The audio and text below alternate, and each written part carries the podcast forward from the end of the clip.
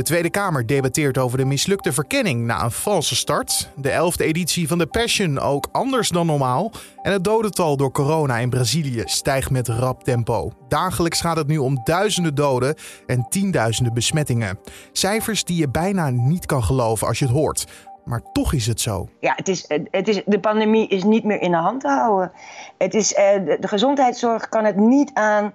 Gisteren, elke dag is er weer een nieuw record doden. Meer dan 300.000 mensen zijn al overleden aan COVID-19. Straks praten we erover verder met Latijns-Amerika-correspondent Marion Verrooyen vanuit Rio de Janeiro. Maar eerst kijken we kort naar het belangrijkste nieuws van nu. Mijn naam is Carne van der Brink. Dat is geen grap, want opgelet vandaag, het is donderdag 1 april. Er mag waarschijnlijk toch publiek zijn bij het Eurovisie Songfestival in Rotterdam. Het wordt een Field Lab testevenement, dat zegt minister Slop tegen de Telegraaf. Daardoor mogen er per show 3.500 mensen aanwezig zijn en dat is de helft van het aantal mensen dat eigenlijk per show welkom zou zijn. Er komen 9 shows in totaal en omdat het een testevent wordt, is alleen Nederlands publiek welkom. Er is wel een grote maar. Als het aantal coronabesmettingen komende tijd fors stijgt, kan het zijn dat het evenement toch zonder publiek gehouden wordt. Eind april wordt een definitieve beslissing genomen. Partijleiders mogen gespreksverslagen van de formatie eerst goedkeuren voordat ze openbaar worden gemaakt. De nieuwe verkenners van Ark en Koolmees laten dat weten na een verzoek om alle stukken over de formatie vrij te geven. In de Kamer leven veel vragen over de per ongeluk gelekte formatienotities, waarvan de positie van Pieter Omzicht de opvallendste is. Daarom willen partijen dat alle notities openbaar worden gemaakt. Ik wil gewoon alle stukken en met een streep onder alle. En volgens mij heeft de Kamer een meerderheid ook eerder vandaag gezegd onder alle. Dus geen Rutte-trucjes, alles openbaar. Als een partijleider iets ziet wat niet klopt, kan een passage worden weggelaten. Dat kunnen ze voor 11 uur doen en dan begint het debat dan echt over de mislukte verkenning. Nederland moet weer voorop lopen als het gaat om gelijke rechten en acceptatie voor LHBTI'ers. Dat zegt rechtenorganisatie COC Nederland. Ons land staat nu op de dertiende plaats in Europa van landen waar LHBTI-rechten goed geregeld zijn. Achter landen als Malta, België en Luxemburg. Het is vandaag precies 20 jaar geleden dat het homohuwelijk geïntroduceerd werd. Toch krijgen volgens COC nog altijd veel LHBTI'ers te maken met geweld om wie ze zijn. Zo werd onlangs duidelijk dat er in Nederland scholen zijn die LHBTI'ers actief afwijzen. En het aantal daklozen is voor het eerst in jaren weer gedaald, dat meldt het CBS. Begin vorig jaar telde Nederland ruim 36.000 daklozen. De daling komt vooral omdat er minder jongeren dakloos zijn. Mensen met een niet-westerse migratieachtergrond hebben juist steeds vaker geen vaste slaapplek. Deze groep daklozen is sinds 2009 drie keer groter geworden. Het is niet bekend eh, wat het effect van de coronacrisis heeft gehad op het aantal daklozen, omdat de cijfers van januari 2020 voor dit onderzoek zijn gebruikt. Het is onrustig in Brazilië. Aan de top worden ministerposten rondom de Braziliaanse president Bolsonaro vervangen door nieuwe bewindslieden. Betekent dat goed of slecht nieuws voor de corona-aanpak? Tot nu toe gaat het in ieder geval zeer slecht. De coronacijfers reizen namelijk de pan uit in het land. Dagelijks wordt een nieuw dieptepunt bereikt als het gaat om het aantal mensen dat overlijdt aan COVID. Collega Julien Dom belde erom met Latijns-Amerika-correspondent Marion van Rooyen vanuit Rio de Janeiro en vroeg naar de situatie in het land. Ja, het is, het is, de pandemie is niet meer in de hand te houden. Het is, eh, de gezondheidszorg kan het niet aan gisteren, elke dag is er weer een nieuw record doden. Gisteren was dat uh, meer dan, dan 3600 doden. Moet je even voorstellen, dat is iets alsof er 12, meer dan 12 MH17's neerstorten hè, op één dag. En het gaat maar door. We, we hebben nu meer dan 320.000 doden. En uh, ja, de, de ziekenhuisbedden zijn vol. De zuurstof dreigt op te raken in het hele land. Uh, eerst hadden we een keertje over Manaus, waar de zuurstof op is. En dat betekent dus dat mensen gewoon stikken.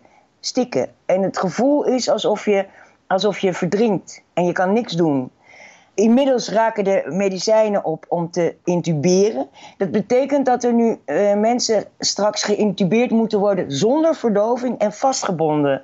Omdat ze anders de pijn niet, omdat ze anders gaan slaan. En even om duidelijk te maken, dat betekent dat jij een, een, pijp, of tenminste jij als patiënt, een pijp in je keel krijgt zonder verdoving die er doorheen gedrukt wordt, zodat je aan de zuurstof kan komen. Ja. Zonder verdoving, ja, echt vreselijk. Ehm, zoals je, je noemde het net ook al eventjes, Manaus. Dat was toen de situatie in één stad. Je noemt nu het hele land. Jij woont zelf in Rio, daar zit je nu. We spreken jou vanuit Rio de Janeiro. Hoe is de situatie in die stad? Wat merk jij om je heen? Nou, eindelijk, eindelijk hebben ze, uh, heeft de gouverneur uh, iets van maatregelen opgelegd. Dus iets, ik bedoel, dit is een, absoluut geen lockdown hoor. Ja, zeg maar kledingwinkels en zo mogen niet open. Uh, ik ben op de begraafplaats geweest van Rio twee dagen geleden. Nou, dat is niet om aan te zien. Lijk na lijk na lijk wordt aangevoerd. Uh, families moeten nummertjes trekken. En je weet, als de, als de doden uh, door COVID zijn, dan mag die kist niet open. Dus heel veel mensen staan daar, roepen dan: uh, Mag ik alsjeblieft mijn, mijn doden nog zien? Mag ik alsjeblieft hem nog zien? Kan niet, want die kisten zijn verzegeld. En het gaat bam, bam, bam onder de grond. En geen naam erbij, gewoon alleen maar nummertjes. Het is gewoon als het ware een lopende bandwerk wat je daar nu ziet. Ja ja, ja. ja triest, om, triest om te horen. En ja, dan, dan moeten we het toch wel even erover hebben. Vaccineren is de oplossing. Dat wordt hier althans in Nederland, in Europa en vrijwel in de hele wereld geroepen. Hoe gaat het er nu aan toe met het hele vaccinatieproces in Brazilië? Wat valt daarover te zeggen? Nou, het, het, het komt druppelsgewijs een beetje binnen. Uh, maar de hele reden dat dat het zo laat begonnen is en dat er helemaal niks duidelijk is over, nou, zijn we hier over 1, 2 of 3 jaar gevaccineerd? Dat weet niemand. En dat komt door president Bolsonaro, de extreemrechtse president van Brazilië, die een uh, corona-ontkenner is. Hij gelooft niet dat het erg is. En um, ja, die heeft van het begin af aan de aankoop van vaccins door Brazilië gesaboteerd. Uh, bijvoorbeeld Pfizer, hè, dat is een van die, van die vaccins. Uh, die heeft augustus vorig jaar al aangeboden. Nou, we kunnen uh, in december miljoenen dosissen leveren. Heeft de regering nooit op geantwoord. Pas nu in maart kloppen ze aan bij Pfizer en zegt Pfizer: ja, hallo. wij hebben al contracten met de rest van de wereld. Niet met Achteraan aansluiten dus. Ja, precies. Wat denk je wel? Uh, ook, ook het vaccin wat door de uh, Wereldgezondheidsorganisatie is aangeboden voor arme landen. Uh, Brazilië zou 50% van de vaccins kunnen krijgen via die organisatie. Wilden ze niet. Ze hebben maar voor 10% ingetekend. Nou ja, dus je kan je voorstellen hoe dat gaat dat zijn de gevolgen die we er nu van merken. Um, ik, ik, zag, of ik las moet ik zeggen, dat er veel mensen uh, rondom Bolsonaro ook terug lijken te treden. Um, lees ik dat zo goed uh, of gebeurt er iets anders daar aan de top van het land? Nou, dat lees je niet goed. Ze worden ontslagen. Ontslagen zelfs? Uh, ja. Om wat voor mensen gaat het hier? Nou, bijvoorbeeld de minister van Defensie. Um, die was. Uh, kijk, ik moet even uitleggen. Bolsonaro die, die, wil, die is woedend. Uh, want uh, sommige gouverneurs, hè, zoals in, in, in Rio de Janeiro, die doen een soort van avondklok. Hè, en een soort van. Dat betekent dus dat je niet massaal op straat mag zijn s'avonds. En hij noemt dat staat van beleg. Dit zijn klein, die, die gouverneurs zijn tirannen die het recht van het volk om vrij te bewegen wegneemt. Dus, en dan zegt hij: Ik ga mijn leger aan, inzetten om daar een einde aan te maken. Kortom, hij dreigt met een staatsgreep. Maar het leger, daar hebben we het eerder over gehad. Eh, de positie van Bolsonaro die valt en staat bij support van het leger. Maar de, de, de, de steun vanuit het leger is er dus nog altijd volop. Ja, en de minister van Defensie ook. Kijk, zijn hele regering zit volgestouwd met generaals. Hè. En, en bijvoorbeeld het ministerie van Volksgezondheid is, is, wordt nu gerund alleen maar door militairen. Nou, um, de generaal die minister van Defensie was, die wilde geen staatsgreep. Die, die, die, wil, die ze heeft, heeft zelfs iets heel ergs gezegd. Die zegt, de politiek moet buiten de kazerne blijven. Nou, en dat, dat is hem komen te staan op ontslag. Uh, hij, uh, Bolsonaro wilde al lang de baas van de landmacht ontslaan. Die is ook ontslagen. En uit solidariteit zijn nu de baas van de marine en van de luchtmacht ook opgestapt. Is nogal wat wat daar gebeurt, uh, Marion. Maar ja. dan hebben we het nog niet eens gehad over de minister die gaat over de zorg in het land. Daar is ook veel om te doen. Ja, dat is dus een hele tijd een militair geweest die van toeten nog blazen wist uh, wat gezondheidszorg betreft. En die, die gewoon uh, het, het schoothondje van, uh, van Bolsonaro was. die steeds zei, u beveelt, ik gehoorzaam. Is die nu ja, weg omdat hij kritiek, kritiek begon te uiten op het beleid? Of? Nee, nee. Omdat, het, omdat de situatie onhoudbaar was en de wereld ook druk uitoefent. En in Brazilië natuurlijk ook in, ook in het parlement druk begint te ontstaan. Dus dan moet je iemand veranderen. En waar verandert hij hem voor? Eenzelfde soort type. Uh, de, de, uh, ja, de, de gezinsdokter van de Bolsonaro's, van de Bolsonaro-familie. En die ook ja, van toen we nog blazen weet, hij, hij bezit een aantal privéziekenhuizen. Dus hij weet niks van openbare volksgezondheid. En wat roept hij gisteren? Uh, oh ja, is er zuurstofgebrek? Nou, ik denk dat er veel te veel zuurstof aan mensen gegeven wordt. Nou, dan krijg je natuurlijk weer dokters die zeggen: de enige behandeling, het enige om te voorkomen dat mensen geïntubeerd moeten worden, is gelijk zuurstof geven. En daar wil hij dan nu op beknibbelen. In plaats van te zorgen dat er genoeg zuurstof komt. Dit klinkt niet alsof er een happy end is op korte termijn voor de corona-aanpak in Brazilië.